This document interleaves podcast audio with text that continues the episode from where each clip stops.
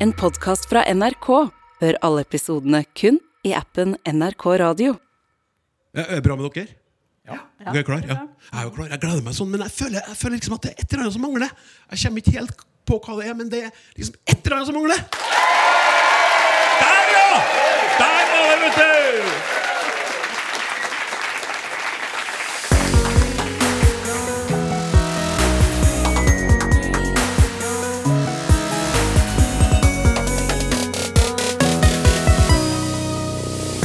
Har man sitt på det rene eller på det tørre? Kan det være makt i noe som ikke blir sagt? Det er på høy tid at vi ser nærmere på ordet høy. Og har du noen gang hørt en brud eller brudgom svar ja?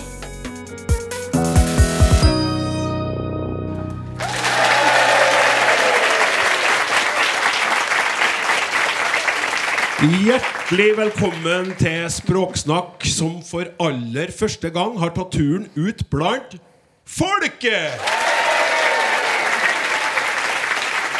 Vi er på Litteraturhuset i Trondheim, eh, hvor gledelig mange fine og forhåpentligvis språkinteresserte mennesker har funnet plassene sine, og nå sitter som tente lys og venter i spenning på at ekspertene skal sette i gang med å svare på dagens spørsmål, innsendt til oss via e-postadressen snakk krøllalfa.nrk.no, eller som SMS til 1987 med kodeord 'snakk'. Da eh, må vi begynne å presentere trioen som er med på å skrive språksnakkhistorie i dag. Fra Universitetet i Stavanger, Institutt for kultur og språkvitenskap, Jan Christian Hognestad!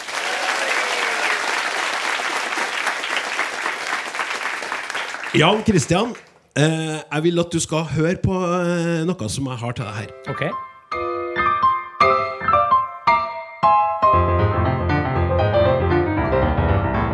Du ser ut som et eh, spørsmålstegn.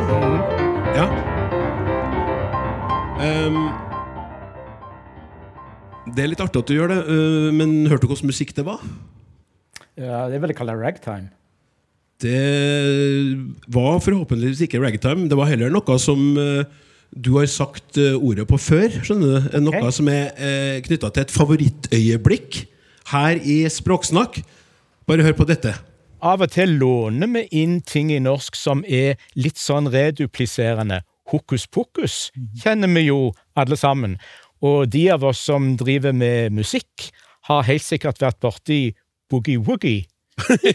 Og der har vi det. Og Boogie Woogie. Jeg så ikke den kom, for å si det sånn. Det var, jeg hadde funnet fram litt Boogie Woogie til. Ja. akkurat. Og så kjente du ikke igjen den Nei, jeg gjorde ikke det. Nei. Nei, jeg elsker det når du sier Det Boogie er- Woogie. det Dette er stundens alvor, Klaus, Ja, det som, som slo inn. Ja, jeg, be, jeg beklager hvis det satt deg litt ut. Det var ikke meningen. Jeg elsker jo den eh, måten du sier Boogie Woogie på. Jeg har nesten lyst til å ha det som ringetone på mobilen min, for å være helt ærlig. Men uh, nå må du prøve å komme deg hjem mens jeg går videre til neste, neste gjest, eller neste forsker. Forfatter og språkviter Helene Uri!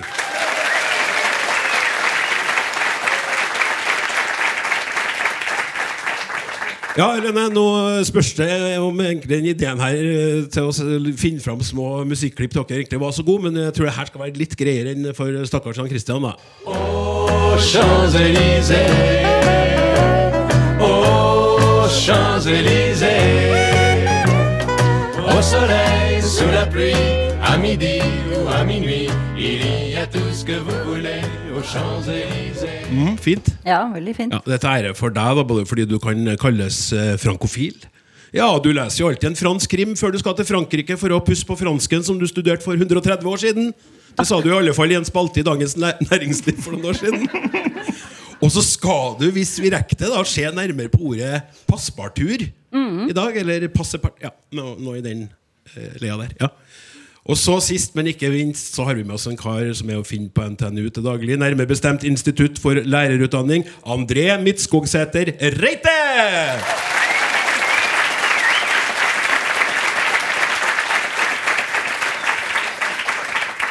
Og André, hvis du ikke tar den her, så vet ikke jeg.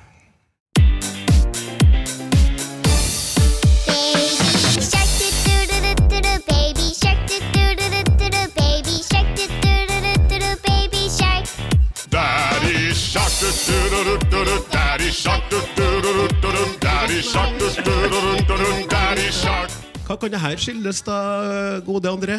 Det er jo mange sår som må åpnes opp. For jeg har jo hørt på dette her i fire og snart fem år allerede.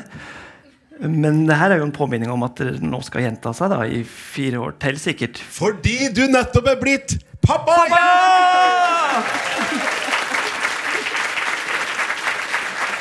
Du har fått en eh, sønn, du og din fru, som også bruker å være med i programmet her. Rikke fra nummeret. Og han skal hete Johannes. Ja, Nydelig. Altså, Da har vi vært gjennom litt av en eh, liten reise her, og jeg tror vi bare setter i gang. Språksnakk med Klaus Sonstad. Hei! I siste Språksnakk hadde dere bl.a. et innlegg angående sommerro, og hvor man skal legge trykket i dette ordet.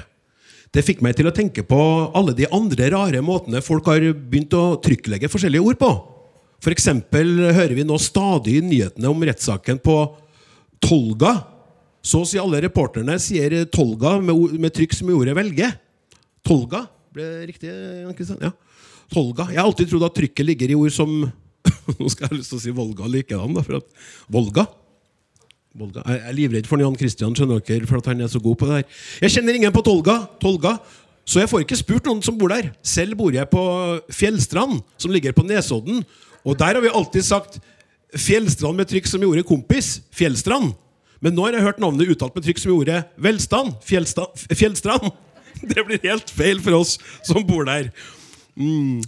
Andre ord som stadig sies med merkelig trykk, er ord som garasje. Nå sier man dette ordet med trykk som i ordet ekstase. Garasje. Det er nesten ingen som sier dette og lignende ord slik det ble uttalt før, med trykk som gjorde bestemme. Man sier til og med kamuflasje og ambulanse med slikt slik trykk som i Tante Else. Hva kan det komme av?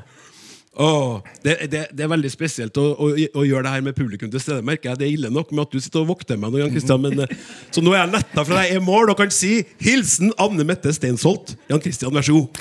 Takk skal du ha. Eh, jeg har tre poenger eh, å komme med her, tror jeg. Og Det første vil Anne Mette bli overraska over. Fordi hun knytter jo dette til trykk. Men både Tolga og Velge og Volga har faktisk trykk akkurat samme sted, nemlig på første stavelse. Så dette er ikke trykk. Det er ikke det dynamiske trykket i språket. Det er det melodiske, det er tonelag. Det er det Anne Mette hører. Og så sier Anne Mette noe som er veldig sant, nemlig at tonelag er vanskelig å få til riktig når det er snakk om navn, ikke minst stedsnavn. Uh, la oss ta by, en by som Bergen, bynavnet Bergen. Hvis jeg plutselig hadde gått rundt og begynt å si Bergen istedenfor Bergen, så ville iallfall alle sør- og vestlendinger eh, ha rista veldig på hodet. Men det er fordi at Bergen er et så kjent navn at vi har alle sammen lagra i minnet vårt hvilken av de to tonelagsmelodiene som skal brukes. Men når vi derimot eh, kommer over et nytt navn, som vi kanskje bare har sett i skrift tidligere, og kanskje ikke det engang, da er det faktisk vanskelig å vite er det melodi nummer én eller melodi nummer to jeg skal bruke på uh, det navnet. Uh, Tolga kan være et sånt navn. Er det Tolga eller Tolga? Og så skriver Anne Mette at hun bor på Fjellstrand. Og til min overraskelse så sier hun at det skal ha tone altså, som i kompis, altså Fjellstrand. Og der må jeg innrømme at jeg ville sagt Fjellstrand. Hva med deg, f.eks., Helene? Du er jo fra samme del av landet som Anne Mette. Nå kjenner ikke jeg akkurat det stedsnavnet, men jeg ville nok intuitivt sagt Fjellstrand. Mm. Eh, men folk eh, klarer jo ikke å uttale mitt etternavn med riktig tonem heller. Eller vestlendinger klarer det, for Nei. jeg heter jo Uri. Men alle østlendinger sier jo Uri. Så jeg lyder begge navn, altså. Ja. Ja. Vi sier det Uri i Trøndelag òg, tror jeg. ja. Ja, Uri. de gjør nok det. Og det er jo òg egentlig et stedsnavn. Og det, det illustrerer jo akkurat det problemet som folk har med ukjente stedsnavn.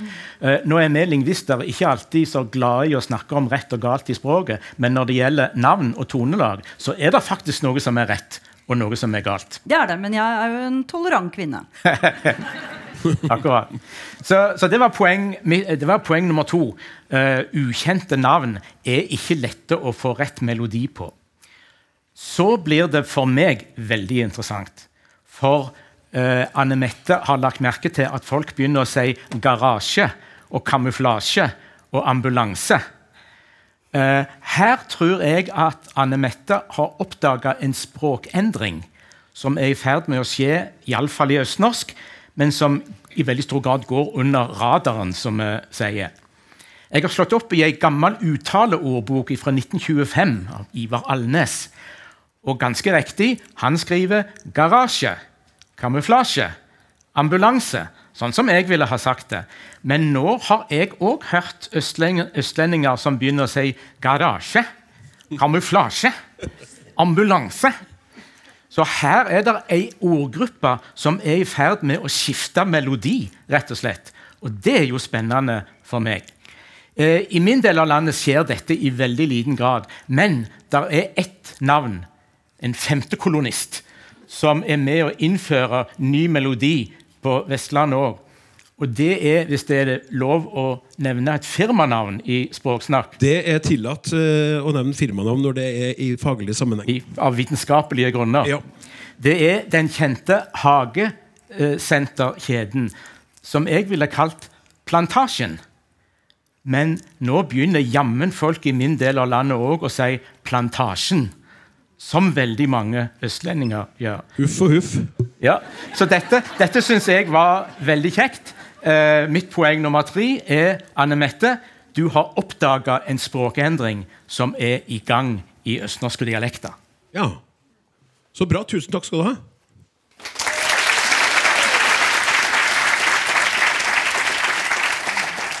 Skal vi uh, få høre på et uh, lite musikklipp her eh, som uh, knytta til neste innslag, faktisk. Fra før vi våkner tusen etasjer høy. Tusen etasjer høy. Ja, Det var da Preple Hoem i bandet DumDum Boys som sang 1000 etasjer høy. Høy med i, da, i denne teksten. Eh, fordi vi har fått en e-post fra Bjørn Floeng Svenby, som åpner sånn. Hei! Hei! Jeg har lenge latt meg fascinere av det norske ordet høy. Rett og slett fordi det er såpass mange betydninger i ordet. I mange situasjoner er det åpenbart at ordet viser til noe det er mye av. Høy lyd, høy bygning osv. Så, videre. så har vi også andre betydninger. De engelske ordene loud, tall, high og hey betyr jo alle høy på norsk. Hvor er de logiske språklige knytningene som fører til disse relativt forskjellige ordene? Vennlig hilsen Bjørn Floeng, da. Spennby. Eh, artig spørsmål. Jeg går ut høyt og gir ordet til deg, Helene. Tusen takk. Da må jeg begynne med et eh, begrep. Homonymi. Og nå må jeg be om bitte lite grann tålmodighet, fordi dette kommer til å bli eh, gøy, og det kommer til å være veldig nyttig også. Det, det, det er som en sånn forelesning, det. Studenter bare, så, ja, vi skal bare lide oss gjennom det kjedelige på starten, og så blir det morsomt etter hvert. Nei, det, blir, Nei. det er morsomt fra begynnelse til slutt, og ah, ja. så er det nyttig fra begynnelse til slutt. Sorry. du Unnskyld. Ja. Beklager. Og så skal jeg lure inn litt grann eh, etymologi, altså litt uh, ordhistorie.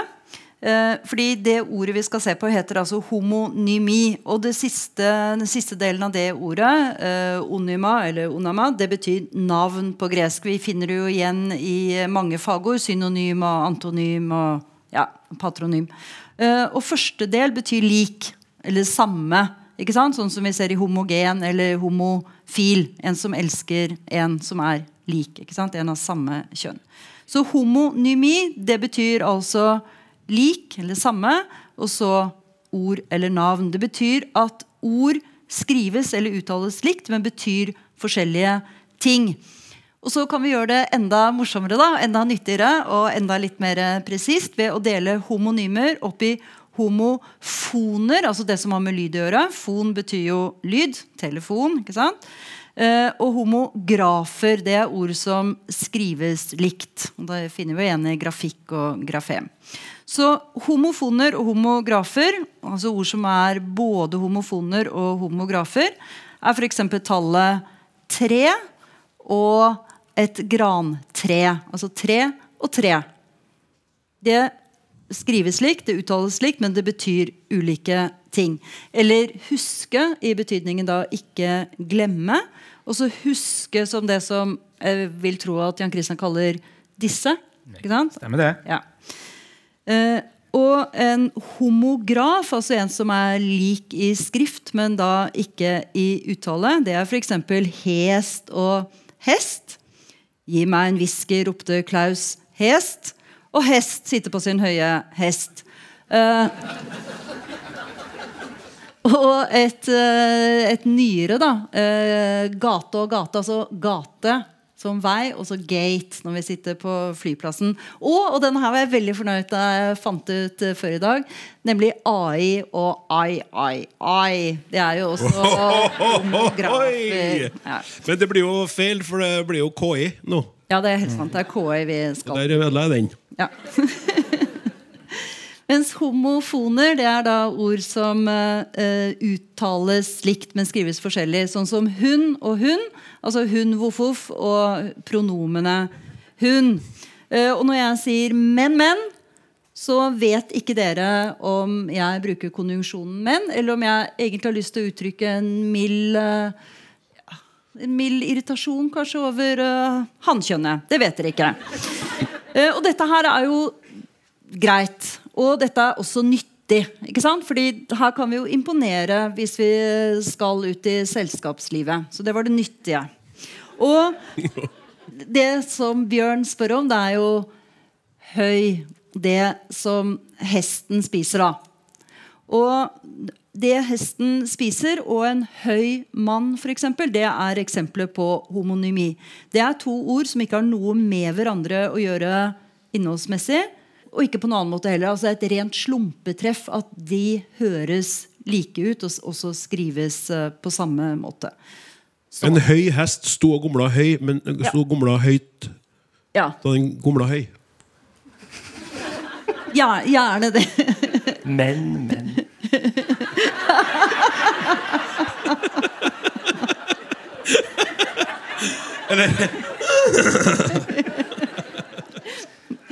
Det jeg skulle si, gutter, var at nå kan vi egentlig pakke sammen eh, ordet høy til en sånn slags eh, høyball, og så kan vi gå videre.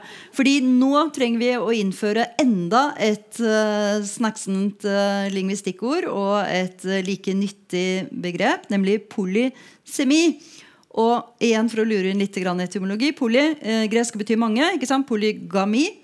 Eh, hvis man ønsker å være gift med flere på en gang. Polynesia kjenner vi det også. Sema betyr jo tegn, som vi har. ikke sant? Sema, forere og sånn. Eh, og det er altså når man har mange, men ulike betydninger, men de er beslektet.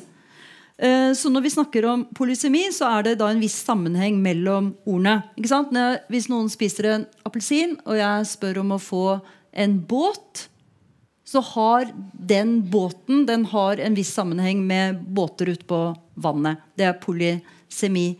Og disse andre ordene som Bjørn lurer på, alle de andre høyene som han snakker om, det, de er polyseme. De er beslektet med hverandre. En høy kvinne, eh, et høyt fjell. Og her betyr jo høyt, sånn ifølge Nav, eh, som strekker seg forholdsvis langt oppover i vertikal retning. Vi kan også si at det er høyt ned fra scenen i dag. Så det kan gå den veien også. Eh, og dette henger jo sammen med høyt i f.eks. Lerka jubler høyt i sky. For da er det en, en tenkt bevegelse. Eller du har høye ambisjoner. Eh, og høyt kan også bety langt i utvikling. eh, som i høyeste mote. Det kan eh, bety avansert. Språksnakk er et språkprogram på et høyt nivå. Begge mine foreldre de gikk på i sin tid på NTH, Norges tekniske høyskole. Eh, Så, men alle disse betydningene av høy de henger sammen, så de er polyseme. Mens høy, som altså hesten spiser, det er et helt annet ord som bare lyder og skrives likt. hva med det å være høy på noe? Ja. Rusmiddel, eller hva det måtte være. Eh, er det òg polysemt med de andre høyene, eller blir det litt mer litt fjernere? Det er nok litt fjernere, men jeg vil absolutt si at det er polysemt. Det, er, det har vi jo lånt inn fra engelsk. Ikke sant? Engelsk high. hai. Men eh, det er jo noe med å være høyt oppe hvis du er i godt humør, da, som man kan bli hvis man eh, har jeg hørt, inntar de riktige rusmidler. Og så, kan man være, og så er man lavt nede hvis man er deprimert, nedtrykt. Så, så det henger jo Det sammen, henger sammen. med den bevegelsen Ja, oppover. En tenkt bevegelse oppover. Det gjør det. Mm, akkurat. Eh, jeg syns det er litt artig med, med disse her helt urelaterte homonymene. Fordi eh, homonymer i språket, sånn som hestehøye og, og høydehøy eh, det er ikke, altså, Som språkfenomen det er ikke noe å trakte etter. egentlig. Det er ikke sånn at vi lager sånne ordsammenhenger fordi det er artig å ha de. Eh, du var jo inne på Helene, at eh, det er rene slumpetreff som lager sånne homonymer til oss. For de to, hesten sitt høy og det jeg ville kalle høg, den høyen, eh, de var jo i sin tid slett ikke homonymer. I norrønt var de det ikke. Eh, hesten sitt høy heter noe lignende høy, sånn som vi kjenner det. Hei, hei, hei ja. Mm. Mens eh, høy uh, heter rett og slett enten har eller hår. Ja, Som i Håvamål, som er den høyeste Ja. tale. Eller alle gårdene i Norge som heter Håland, fordi Ja. de ligger høyt. Så, så var Haaland er også høy. ja, Men det, det er han jo faktisk. Nå nå, nå er det sånn nå er det sånn at Jeg vet nesten like lite om fotball som jeg gjør om boogie-woogie. Så, så, så det, var, det var så vidt jeg skjønte, det var så vidt jeg skjønte den. Men um, uh, Så det er språkhistorien som lager homonymer til oss, rett og slett. Ja, eller in, ja, så innlån, da. Ja, Ikke sant? Ja. Sånn som uh, gate og gate, som er Også ja, som jo òg er en del av språkhistorien. Men så kan vi, uh, må vi si, tror jeg, eh, at dette ikke bare er noe sånn fjernt historisk. altså Homonymer er noe som er blitt lagt. Det er noe vi har fått. Det er noe som skjer nå. As we speak, som de sier på engelsk. Så dannes det homonymer. Jeg skal gi et eksempel. Ikke kom med skjede og kjede og skjedekollisjon. Hæ? jo! Var det den du skulle si? Var det den du skulle si? Var det det? og, jeg er så Og da går vi videre til neste spørsmål, som er Nei, men, men eh, Nei? Nei? Å, å, å, Skal dere, skal dere, er dere Ja, men altså Mannlige språkforskere som sier at hva skal vi gjøre? Da, hele Ja, men jeg syns det er så skjedelig kjedelig når dere begynner med det der. Ja, nettopp. Men, det, men det, det, det jeg hadde tenkt å si, var noe litt annet enn det du forestiller deg. Sier du noe, ja? Eh, Riktignok er det altså sånn at eh, vi holder på å få et homonym. Eh, skjede, som har to betydninger. Og så ser jeg for meg, om 100 år, så kommer det et spørsmål til Språksnakk. For jeg- vi tar for gitt at programmet eksisterer om 100 år. Ja. Håper jeg Eh, og så skriver lytteren at eh, hva skyldes det at skjede kan bety to helt forskjellige ting? Og da vil jo eh, Det må jo være ditt oldebarn som er programleder på, i, av, i det programmet, vil jeg, eh, vil jeg tro. Ja, fint, Fin tanke. Ja. Lille Michelle heter han kanskje. ja. Som, Heter hen. Heter hen. og da eh, vil denne programlederen gi ordet til en lingvist som vil forklare om lydlige viderverdigheter på 1900-tallet som skapte dette homonymet. Og det skjer altså nå. Akkurat. Ja. ja, bra. Ja.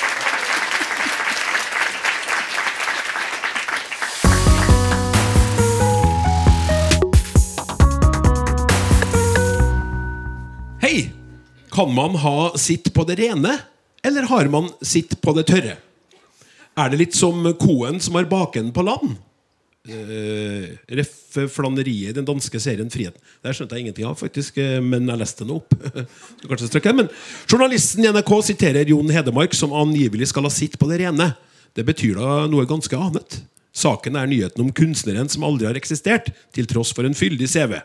Hilsen dykkar trofaste lyar, Heine Erdal. Ja, André.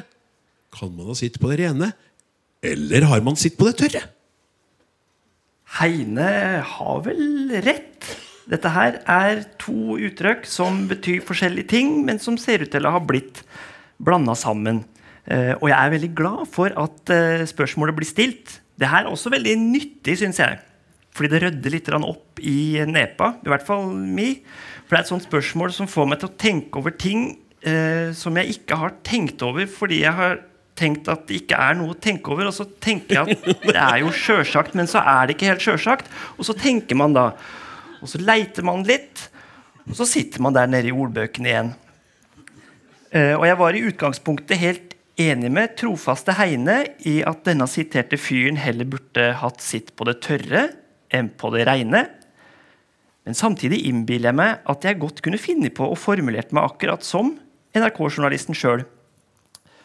Og det kan kanskje ha litt å gjøre med den livssituasjonen jeg eh, sjøl akkurat er i nå, da, der rein og tørr har fått en veldig konkret betydning.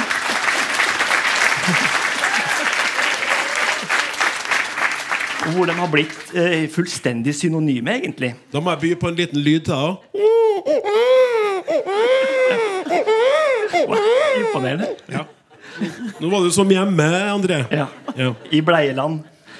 Der ei tørr bleie er ei rein bleie er ei tørr bleie. Men eh, så er jo ikke rein og tørr fullstendig synonyme i ett og alt. Eh, Og hver for seg har de også flere betydninger. Eh, Både ei bleie, en hvitvin, en universitetslektor, en hoste, en vits og ei brødskive kan være tørre. Men den tørrheta innebærer ikke helt det samme nødvendigvis. Og både ei bleie, igjen en idrettsutøver, en samvittighet, et flagg og en og annen person i Gammeltestamentet kan være reine. Eh, Men når, når rein og tørr iallfall har litt overlappende betydningsinnhold, så er det nok også lettere å rett og slett blande dem sammen i faste uttrykk.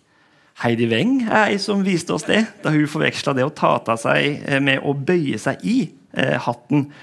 Og litt tilsvarende forvekslinger dukker også gjerne opp når ikke bare betydningsinnholdet, men også forma, altså uttale eller skrivemåten, på to ord eller uttrykk eh, ligner på hverandre. Språkrådet har til og med laga ei artig liste over en del sånne nokså vanlige eh, forvekslinger under overskrifta 'Feil bruk av ord og uttrykk'. Og her finner man bl.a.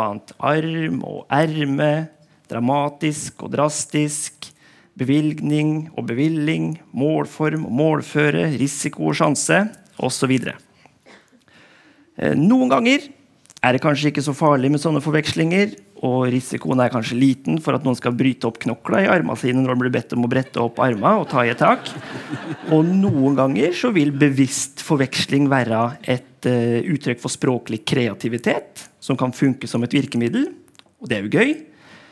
Men så er det jo også noen fordeler med å være presis, sånn at de fleste deltakere i språksamfunnet er enige om hva det blir snakka om når det blir snakka om noe. Det er jo et poeng med språk. Så hva er da betydningene av å ha noe på det reine versus å ha noe på det tørre? Jo, på det reine det brukes vanligvis for å uttrykke at noe er slått fast eller klarlagt. Så motsatt av om det skulle være noe tvil, så vil det være på det reine at det har seg sånn og sånn. Det er på det reine hvor skylda ligger. Og det er brakt på det reine at det var katta som drakk opp mjølka, f.eks. Så denne reinen det er den som betyr klar og tydelig, og ikke f.eks. rein som i umøkkete. På det tørre derimot brukes om å være sikra og ikke ha trøbbel med noe, eller å ikke ha gjort noe mer enn det en kan stå inne for. På det tørre derimot brukes om å være sikra eller å ikke ha gjort noe mer enn det en kan stå inne for. Eh, Og her er det tørre den forma for tørr som ikke er dekka av vann, da, altså på tørt land.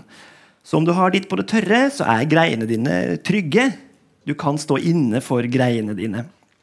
Så vi kan vel kanskje gi Heine rett i at det kan høres litt pussig ut at Hedmark har sitt på det reine. Meninga er nok at han kan gå god for det han har sagt eller gjort, og da har han sitt på det tørre. Og så må han eventuelt få brakt på det reine at han har sitt på det tørre.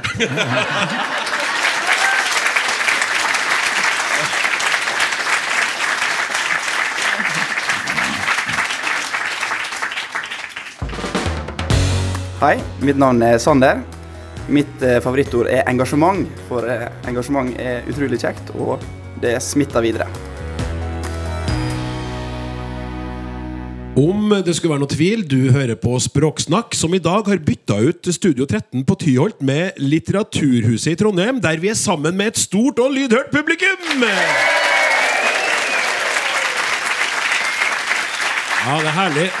Eh, rett og slett. Snart så skal vi diskutere makta i ord som ikke sies. Men nå er det på tide å se på noen eh, tilbakemeldinger fra lytterne sendt til snakk.krøllalf.nrk.no eller som SMS til 1987 med kodeord 'snakk'. I påskesendinga vår så fikk jeg gleden av å dele favorittordet mitt, eh, fenolftalein. da. Eller sånn trodde jeg det skulle uttales. Først så var det en lytter som påpekte at eh, fenol slått sammen med talen skal uttales fenol, altså fenolftalen. Men det stoppa ikke der, for nå har det kommet inn flere e-poster. Jeg regner med at det er det kjemiske krystallins krystallinske stoffet det er snakk om. Skal det da ikke uttales uten diftong, altså fenolftalein? Denne in-endelsen må uttales på samme måte som f.eks. Lan lanolin, margarin, parafin. Kan dere spørre en kjemiker? undrer Tore Lennartsen. Det kan ikke vi, men vi kan lese opp eh, meldinga fra Sveinung Hem. Fenolft... Er et kjemisk stoff som kan brukes som en syre-baseindikator. Altså et stoff man kan tilsette en væskeløsning for å, basert på fargereaksjon, avgjøre om denne er sur eller basisk, skriver han. Men så til uttale av navnet på den indikatoren det var snakk om her, nemlig at bokstavkombinasjonen ei ikke skal uttales som diftong, men som to separate vokaler, akkurat på samme måte som i f.eks. protein og koffein. Så nå har altså fenolftalein, mitt eh, favorittord, blitt eh, fenolftalein. Så jeg tror jeg må gå på jakt etter et nytt favorittord, faktisk.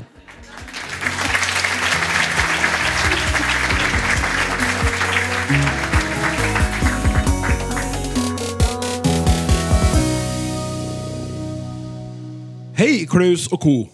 Min mor eh, var tidlig på 70-tallet vitne til en kirkevielse der bruden svarte sitt forelskede ja på innpust. Ja. Min mor syntes dette var litt rart i en sånn setting. Det ble liksom litt mindre høytid over dette romantiske arrangementet pga. at denne alvorlige bekreftelsen ble dratt innover. Ja. Vil du ha som ved din side står Ja. Jeg har hørt og lest at norsk er det eneste språket i verden der vi har dette fenomenet med å snakke på innpust, men finner på nett at det eksisterer også i andre språk. Hva er riktig her, og hvor utbredt er det? Jeg personlig oppfatter et ja på innpust som eh, et noe mer skråsikkert ja enn et vanlig ja. Er det en riktig antakelse? Er jo klar over at man kan si ja på mange måter, og der tonefall, stemme og kroppsspråk ellers vil markere styrken her. Men sier du ja på innpust, så er det liksom en bombesikker bekreftelse, slik jeg oppfatter det. Det er jo i så fall bra for brudgommen i den vielsen på 70-tallet. Takk for superinteressant podkast, Elisabeth. Ja, Kristian, Christian, du skal få lov til å Ja, og, og da tror jeg ikke det ville passe hvis jeg hadde sagt ja før jeg begynte å, å svare. Nei. Dette er eh, Jeg snakket om tonelag i stad. Det er jo en rar ting. Eh, dette er òg rart, så du har liksom satt meg til å forvalte språkets raritetskabinett i dag, eh, tror jeg nesten. Um, men jeg tror vi må se litt på taleorganene våre. Vi begynner jo helt nede i lungene, og så går det helt opp til leppene. Og når vi snakker, så puster vi jo. Og vi puster jo vanligvis både ut og inn, og da er det kanskje ikke så rart at innpust òg kan brukes språklig til forskjellige ting. Men hvor i taleorganene er det ting kan gå innover? Vanligvis tror jeg det er høyt oppe. Hvis Helene for eksempel, sier noe som jeg eh, syns var eh, litt spesielt, så kan jeg se på henne og så kan jeg si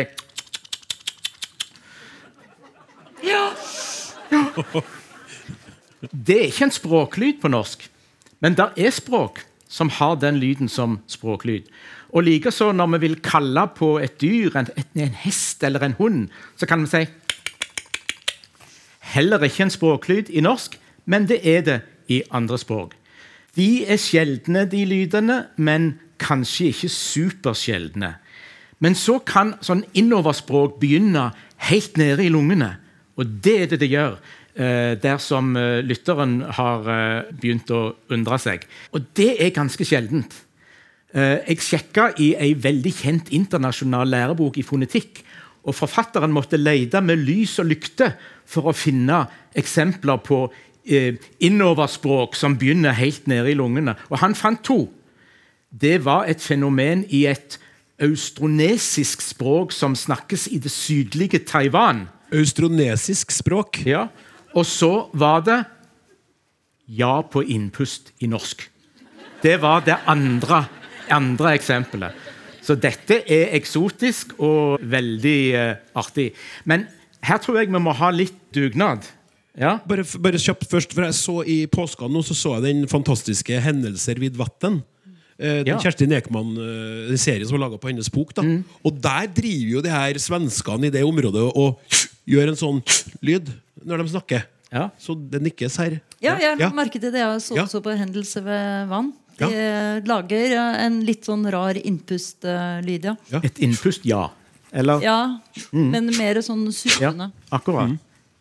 Men uh, da lurer jeg på, når vi sier ja på innpust, er det et annet slags ja?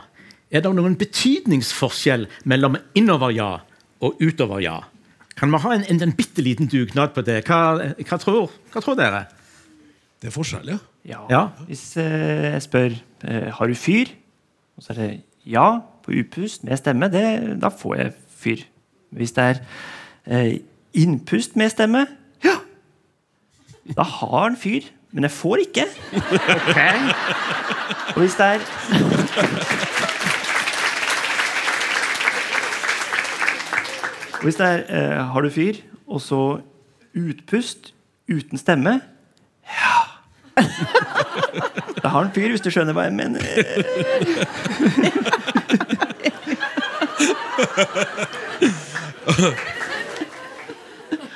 Eller har du sånn Har du fyr? Ja.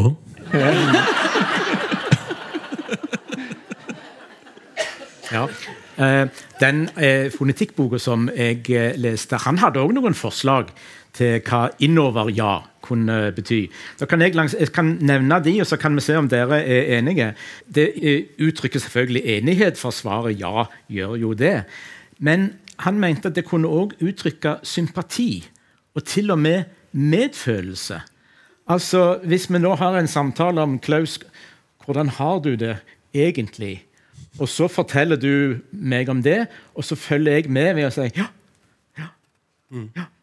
Det tror jeg han mente. at Det, eh, Ja, det, det- det, det, går det an å si. En, en måte å, å lytte aktivt til du sier. Ja, og så blir det et sånt, litt, sånn, litt sånn forsiktig stille. Ja, du, tar, Ja, altså, du, ja. du, du følger opp, men du, sånn, det er sånn uh, tilpassa situasjonens alvor. Jeg, jeg kan mene at jeg har sagt sånne ja sjøl i samtale med andre når de har hatt noe alvorlig å fortelle meg.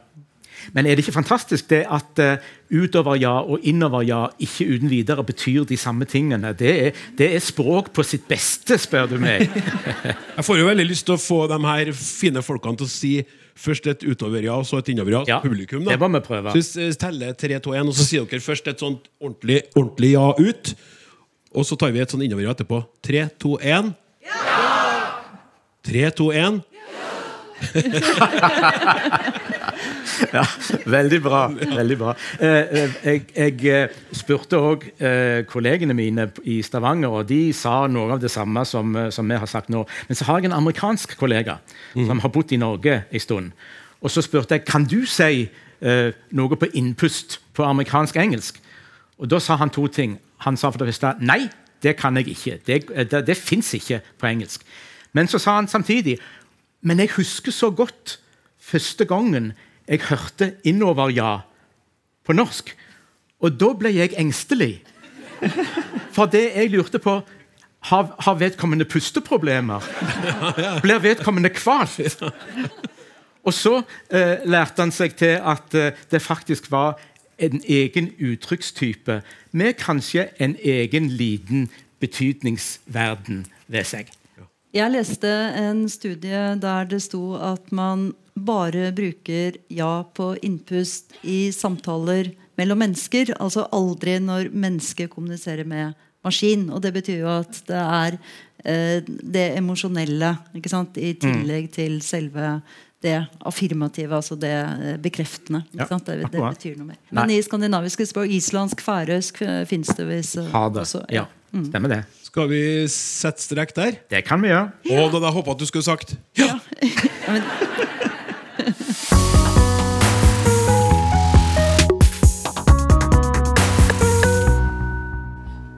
Det er jo dere lyttere som uh, står for uh, spørsmålene her i Språksnakk. Og det er så mange mange fine spørsmål, og det er veldig forskjellige spørsmål så også i dag. Uh, nå skal vi over til noe helt annet, for å si det sånn, da. Takk for en lærerik og gledesbringende podkast. Kunne Språksnakk vennligst utforske det som ikke sies? Konsekvensene av de mektige, yrende tomrommene der, der avgjørende ord og begreper ikke nevnes?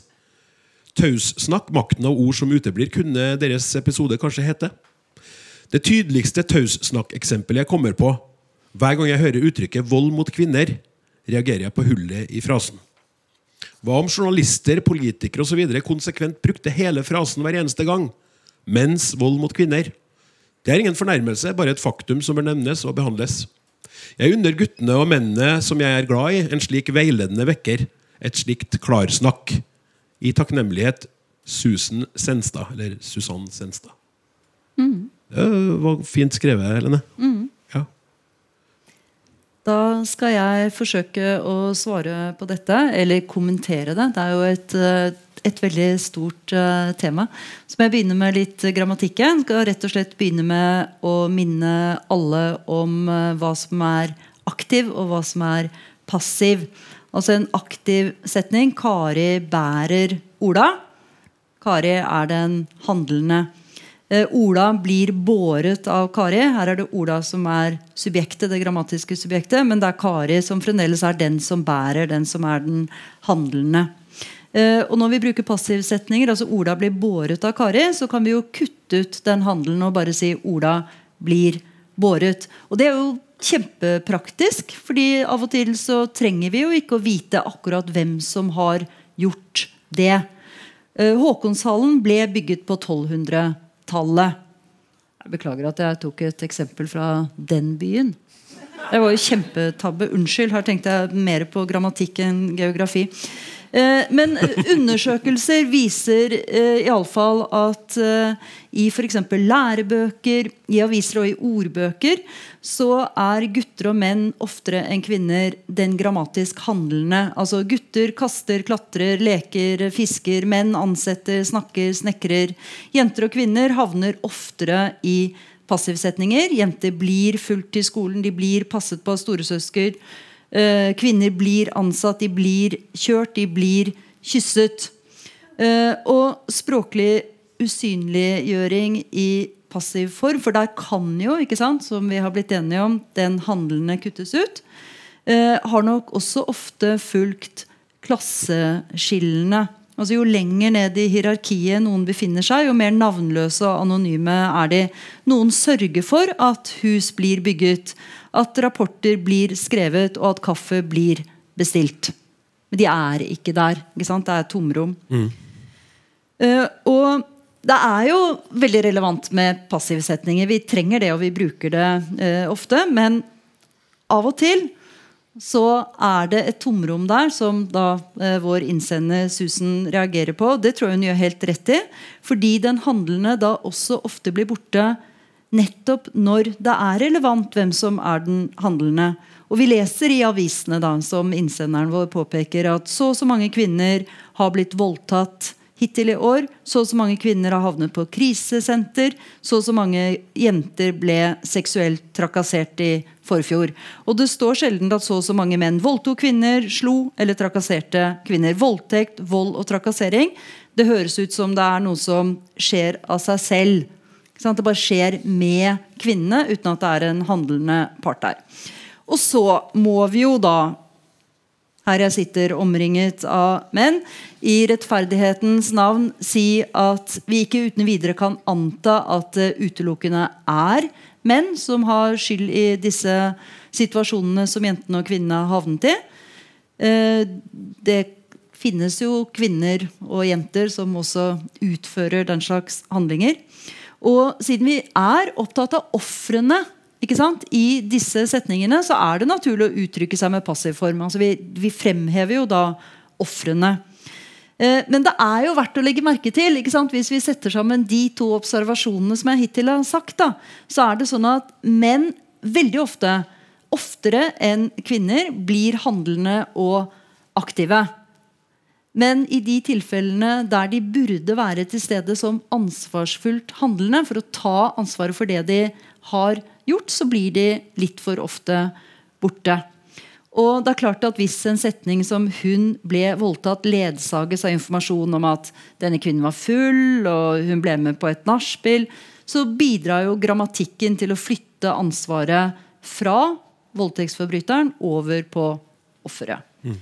Og så må det selvfølgelig sies at også kvinner som jeg sa, kan eh, være seksuelle overgripere osv.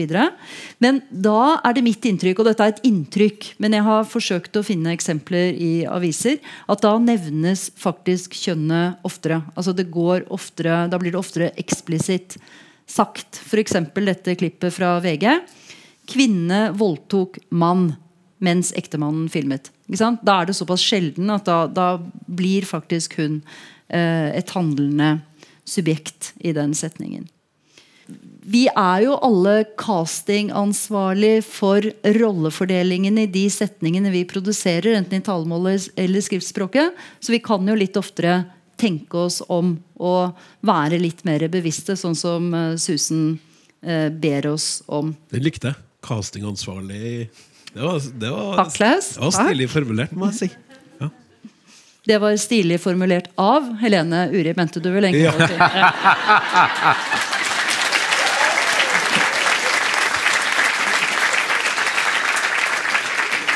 Et eh, lite poeng til, for Disse tomrommene kommer ikke bare frem gjennom aktiv og passiv. I en artikkel i Aftenposten så handlet det om barn som solgte nakenbilder. Og da sto setningen bl.a. denne. Den yngste som solgte nakenbilder, var syv år. Og her er det altså, Den handlende parten her er altså et barn. Men den parten som kjøpte disse bildene av de nakne barna, er ikke nevnt. Og så er det veldig lett å forstå at journalistene har ønsket Vi har medfølelse, og vi, der fokuset ligger på dette barnet, altså på offeret. Og det kommer veldig tydelig frem i artikkelen at det er selvfølgelig Aftenpostens uh, hensikt uh, også.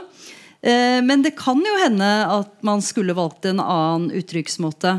Ikke den yngste som solgte nakenbildet, var syv år.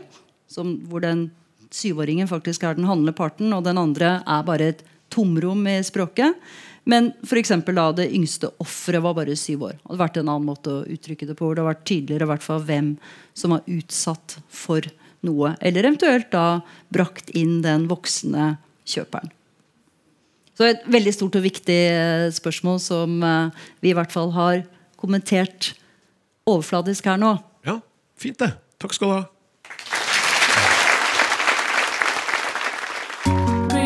Hei sann, mitt navn er Håkon, og mitt favorittord det er student. Fordi det gir eh, så veldig mange så veldig mye, både faglig og sosialt. Hei, Språksnakk. Takk for et interessant og hyggelig program om språk. Jeg lurer på ordet snurt. Å være snurt, snurt betyr vel å være fornærmet, men vi har jo også uttrykket 'jeg har ikke sett snurten av ham'.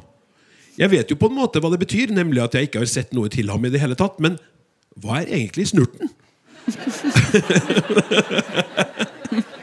Hvor kommer ordet snurt fra? Er det noen grunn til at vi bruker eh, samme ord i begge disse betydningene? Med vennlig hilsen Erik eh, Brubakk. Og jeg vet André, at du blir ikke snurt om jeg ber deg svare på det her spørsmålet nå. Eh, ja, Er det noen grunn til at vi bruker samme ord i begge disse betydningene? spør innsenderen. Som vanlig så er det et kort svar. Det er ja, det er nok. Kanskje. Eh, det litt lengre svaret er litt skravlete av seg, så det kommer til å ende på samme stelle. Eh, men det litt lengre svaret det tar også noen omveier og er litt sånn småkverulerende, men godhjerta. Så det litt lengre svaret det spør tilbake, fordi det er litt nysgjerrig og kanskje litt usikker sjøl også. Er det egentlig samme ord, dette? Hva, hva er et ord? Her så jeg for meg at det skulle komme et gisp gjennom rommet.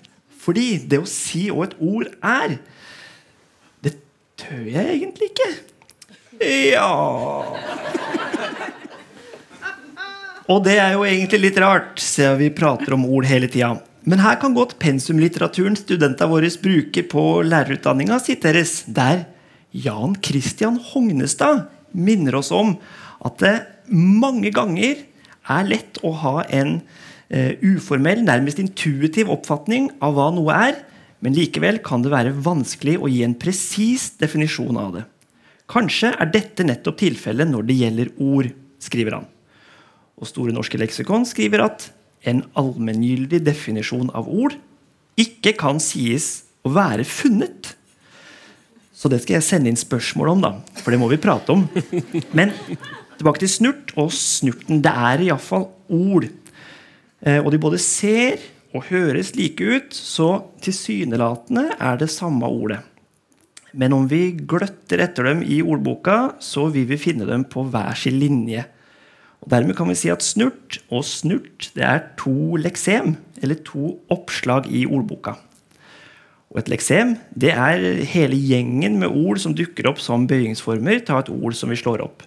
Så snurt, snurten, snurter, snurtene er samme leksem. Eh, Bøyingsformene hører til det samme ordboksoppslaget snurt. Mens under snurt, derimot, så er bøyingsformene snurt, snurtere, eh, snurtest. Så to ulike leksem, og dermed også ulike ord, kan vi si. To ulike ordklasser. Substantiv det ene med ubestemt og bestemt form entall og flertall, og adjektiv det andre med gradbøyinga. Og også to ulike betydningsinnhold, som innsenderen sier. Adjektivet snurt betyr fornærma, furten, sur eller støtt. Substantivet snurt, som innsenderen hadde en følelse av hva betyr, betyr glimt eller skimt eller snert. Så altså noe som er der det ene øyeblikket og er borte det neste. Altså glimt.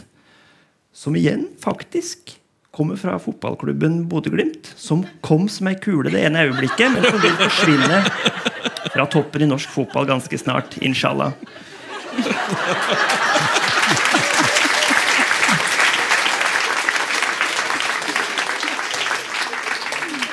Så altså, eh, Om en ikke ser snurten av noen, så ser en ikke engang et glimt av denne noen. Ikke engang en liten snipp eller eh, snert av denne noen. Så da har vi disse to orda, snurt og snurt, med disse to betydningene. Og to ord med lik form, skriftlig eller muntlig, men med ulik betydning, kalles homonym. Eh, Men eh, og nå skal det litt lengre svaret runde straks, altså. så er de kanskje ikke fullt ut homonyme lell. For sjøl om betydninga framstår ulik i dag, så er det ikke sikkert den er fullstendig ulik. Så kanskje kan man si at snurt og snurt har en snurt, polysemi, ved seg. Som da altså betyr at et ord har beslekta betydninger. Ordbøkene er ikke helt enige. Eh, Men det er ikke usannsynlig i hvert fall at etymologien til snurtene, altså ord eller betydningshistoria deres, er at eh, de begge to kommer fra det norrøne 'snerta', som nynorskordboka i hvert fall foreslår. Å komme borti eller komme innpå. på. Og som vi fortsatt bruker som ord i dag. F.eks. For, for å beskrive det som ofte skjedde med sammenrulla håndklær i gymgarderoben på Åsenhagan skole på Skedsmokorset rundt 1995. Der ble det snerta. Ei form for snerting som definitivt ble opplevd som en fornærmelse, så den ble snurt. Og den snertinga skjer også som et glimt, altså en snurt, og treffer akkurat perfekt på den ytterste delen, altså på snurten av rumpa. Et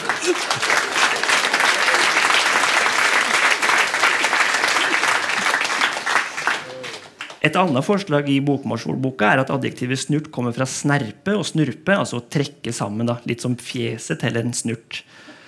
Men Det er altså ikke så godt å si, men kanskje er dette da grunnen til at vi bruker det samme ordet, eller de samme orda om disse tinga. Strålende. Tusen takk skal du ha, André. Ordbøkene sier at den utskårede kanten som ligger mellom glasset og bildet i en ramme, skal uttales eh, passepartout. Jeg hadde aldri sett ordet i skrevet form før for noen dager siden, og var nødt til å google. Det jeg har hørt, eller tror jeg har hørt når folk har brukt ordet, er passepartout med r. Det sier jeg sjøl. Det høres mye mindre jålete ut, men kanskje er det helt løk å si. Aner ikke! Hjelp! Og så står det i parentes. Digger programmet, osv. osv. Levi Holt Bratland. Ja, da, Helene, vi har jo outa deg som frankofil i starten av sendinga. Her nå må du kose deg med passpartur. Jeg har lyst til å starte med å si at jeg har fått nytt favorittord, og det er superlativformen av eh, snurt... Altså snurt... Snurtest. Snurtest! I ordbøkene så står eh, uttalen 'passepartout', og det er jo vanligvis sånn vi har laget den norske formen av fransk eh, OU, som på fransk uttales O. Så vi sier jo tur-retur, f.eks. Fra da fransk, eh, selv om det heter da retour. Ikke sant? Så sier vi, men jeg sier faktisk pass på to. Det ligger nærmere den eh, franske uttalen. Eh, og det tror jeg sier noe om at dette er et ganske lite frekvent ord. At jeg går rundt og har eh, den uttalen. Eh, Klaus og Levi uttaler det med R, og det er også en uttale jeg har hørt mange ganger i eh, rammebutikker og av venninner. Hva sier du, Jan Christian? Jeg bruker nok den norske U og sier passepartout. Ja, Så du er i tråd med ordbøkene? Mm, jeg er i tråd med ordbøkene. Ja. Mm. Ut, uten at jeg har lagt spesielt vind på å være det. Passepartout. du har med O, du òg, ja? Sånn som meg. Sier det? Ja. Ja. Ja, ja, ja, ja. Men ingen som sier 'passepartout'? Ingen her? Nei? Er det noen i salen? Passe- Passepartout anymore? No? no? Passepartout? No, no. Eh, og så kan det jo sies, det bør vel sies i denne sammenheng at eh, tjeneren i Jorden rundt på 80 dager av Jules Verne, han heter jo Jean Passepartout. For det betyr jo da en som passerer overalt, eller passer uh, overalt. Partout betyr eh, overalt, og passé er jo gå eller, eller passere. da. Men det er jo litt vanskelig å si hvor denne R-en kommer fra. Det er jo mye lettere å forklare hvorfor vi sier entrecôte og- i stedet for entrecôte, f.eks. Det får vi ta i et annet program. Eh, Men eh, hvor den R-en kommer fra, her tror jeg vi bare må bruke vår lingvistiske fantasi. Og jeg har tenkt at kanskje er det det at vi kan ordet partitur. Og det er et fremmedord som ligner lite grann. Og problemet oppstår jo fordi det er såpass sjelden. Så vi blir ikke korrigert på passpartur. Eller i hvert fall er det såpass mange som sier det, at vi fortsetter å si det. Og så blir vi overrasket av sånn som Levi ble da han så det i skriftlig form og faktisk da sjekket uh, uttaleanvisningen i en uh, ordbok. Så jeg kan ikke forklare noe annet, men jeg har altså hypotesen fra partitur. Og så kan jeg si at uh, den R-en skal jo ikke være der, i den grad vi er interessert i å følge uttaleråd og følge da uttalen sånn som den er på opprinnelsesspråket. Merci beaucoup, Ellen. Men jeg fortsetter å si passpartur, jeg, da. Så bare så det er sagt. Språksnakk er straks ved veis ende. Tusen takk til kveldens, eh, kveldens tre språkforskere og til tekniker Martin Våge, journalist Randi Lillealteren og produsent Hilde Håbjørg. Takk også til deg som har hørt på, og ikke minst til publikum her på Litteraturhuset i Trondheim. Jeg heter Klaus Solstad. Vi snakkes!